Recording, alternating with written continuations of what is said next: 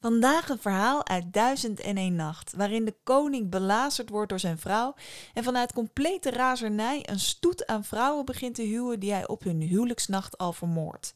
Om deze tirannie te laten eindigen, trouwt Sherazade met hem. Iedere nacht vertelt ze haar man, de koning, een verhaal dat stevast eindigt met een flinke cliffhanger en op die manier blijft ze in leven. Vandaag het verhaal over een visser die net als Sherazade met slimmigheid zijn eigen leven moet redden. Vandaag het verhaal van de visser en de djinn. Dit is Tien Wijze Heksen, een podcast vol sprookjes, mythes en legenden.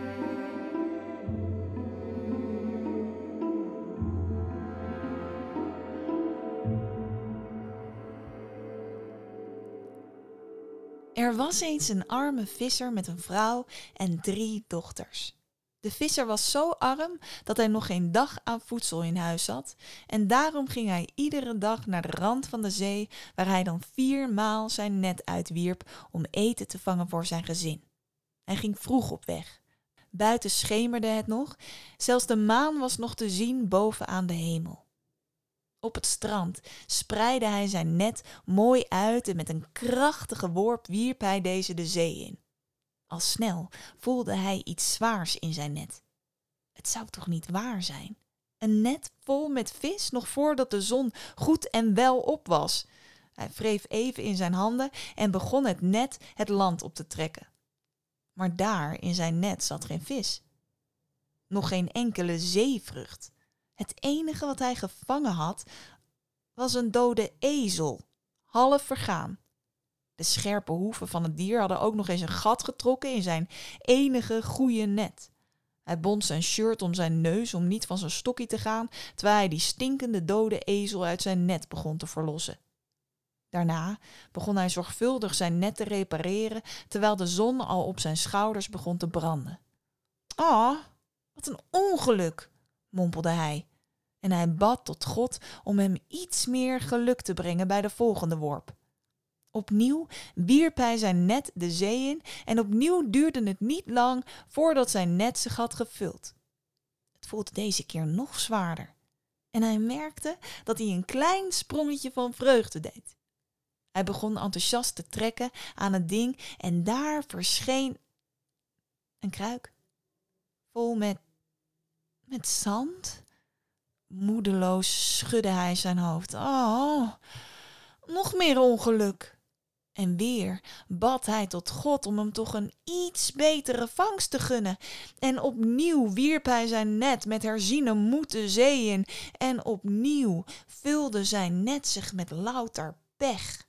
Enkel scherven, troep trok hij het land op.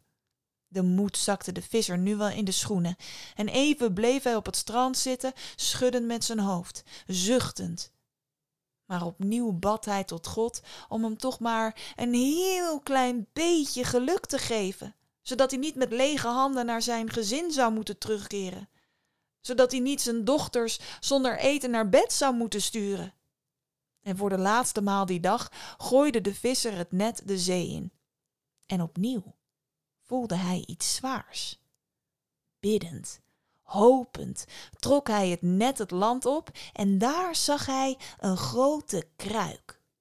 Een kruik afgesloten met een koperen zegel. De visser klapte in zijn handen. Hij kon dat koper verkopen aan de koperslager. Dat, dat was zeker een kilogram waard. Hij probeerde de kruik op te tillen, maar deze bleek loodzwaar. Hij probeerde hem te rollen, maar hij kreeg hem nauwelijks een halve meter vooruit. Goed dan, dacht de visser. Ik moet het koper openbreken en wat er dan ook in die kruik zit, dat verwijder ik. Hij pakte een flinke steen en brak het koperen zegel. Daarna frikte hij de stop los met zijn mes. Hij had nauwelijks de stop van de kruik, of een dichte grijze mist kwam uit de kruik naar buiten, vulde de lucht om hem heen vulde de lucht boven de zee, steeg op en veranderde langzaam in een gigantisch monster wiens kop de wolken boven hem raakte. Zijn tanden zwart, zijn ogen rood, zijn neusgaten waren twee angstaanjagende gaten. Voor hem stond een gigantische ifrit, een djinn, een boze geest. De djinn strekte zich eens flink uit, waarna hij iets door zijn knieën boog en de visser vervaarlijk aankeek.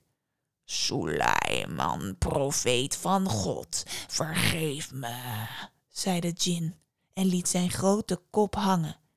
Ik beloof dat ik een brave djinn zal zijn. Suleiman? stamelde de visser. Suleiman, de grote profeet, is al meer dan 1800 jaar dood. Nee, ik, ik, ben maar een simpele visser. Hoe, zeg, hoe bent u in die kruik terechtgekomen? Dood, zeg je? En de djinn liet een bulderende lach horen. Maar dan is dit een heugelijke dag. Goed nieuws, kleine visserman. Ik zal jou snel doden. Ho, hey, hey. Sorry, maar ik vind dat eigenlijk helemaal geen goed nieuws. Hé, hey, ik heb je net uit die kruik gered. Nu wil je mij doden? Dat is niet eerlijk. De djinn dacht even na. Goed, zei de djinn. Goed, je mag een wens doen.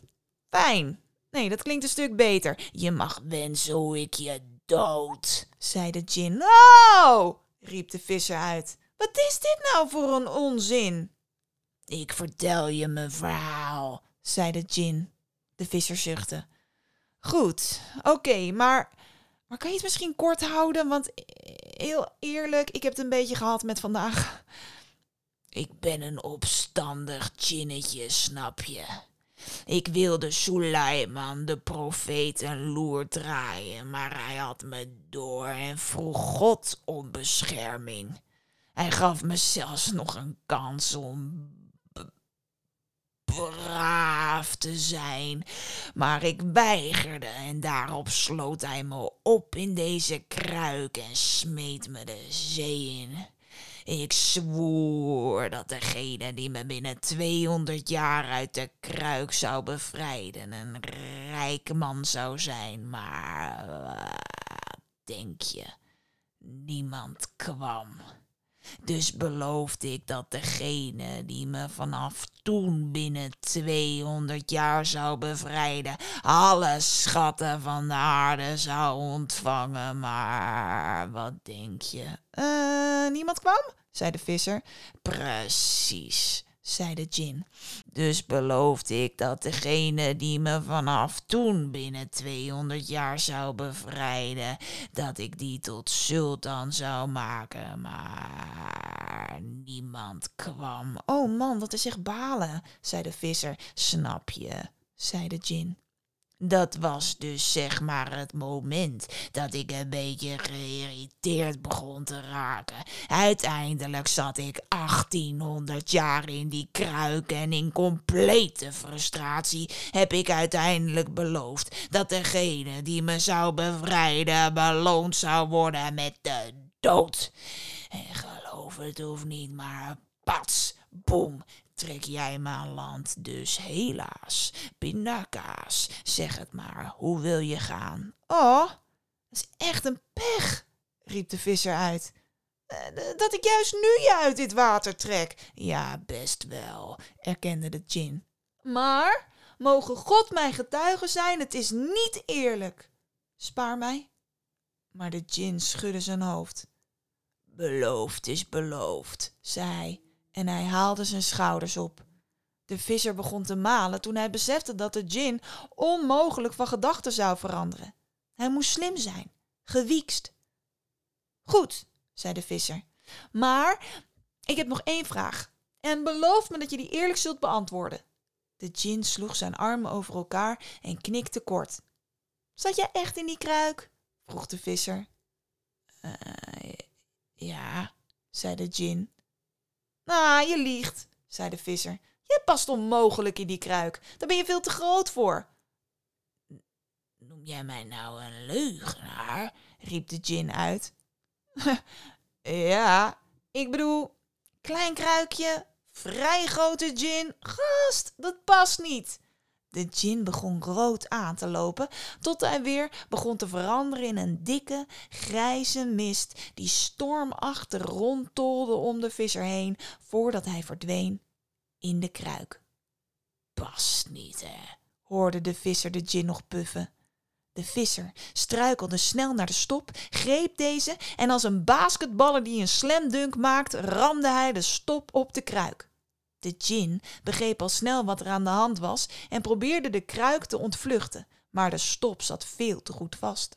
Nadat hij een tijdje had gegromd, had getierd, begon de djinn poeslief beloftes te maken. Mm, visser, bevrijd mij. Ik zal je rijk maken. Ah, toe. Je bent een leugenaar, djinn. Ik smijt je terug de zee in. En hier, naast de zee, zal ik mijn huis bouwen om iedereen te waarschuwen dat hier een djinn op de zeebodem ligt.